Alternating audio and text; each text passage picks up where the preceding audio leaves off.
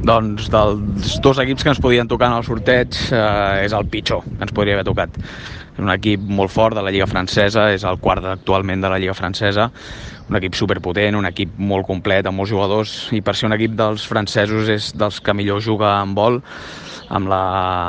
bueno, amb el control del partit de Sarmiento, que és un grandíssim central, jugadors molt complets, jugadors amb moltíssima experiència internacional, i bé, però arribats a aquest punt, doncs eh, intentarem, intentarem guanyar-ho